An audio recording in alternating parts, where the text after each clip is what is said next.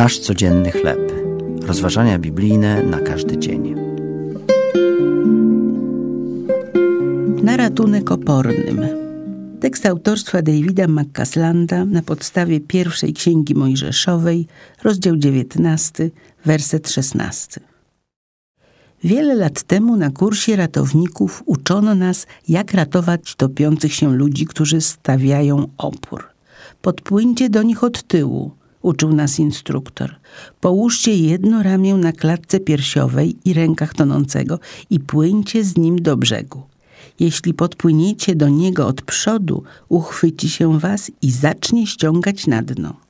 Panika i strach może sparaliżować zdolności myślenia i mądrego działania.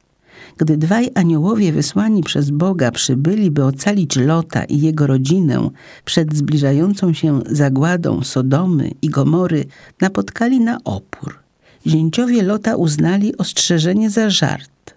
Gdy niebiańscy przybysze powiedzieli Lotowi, by się spieszył i opuścił miasto, ten zaczął się wahać. W tym momencie aniołowie wzięli go i żonę jego i obie córki jego za rękę i wyprowadzili ich w bezpieczne miejsce, gdyż Bóg okazał im miłosierdzie.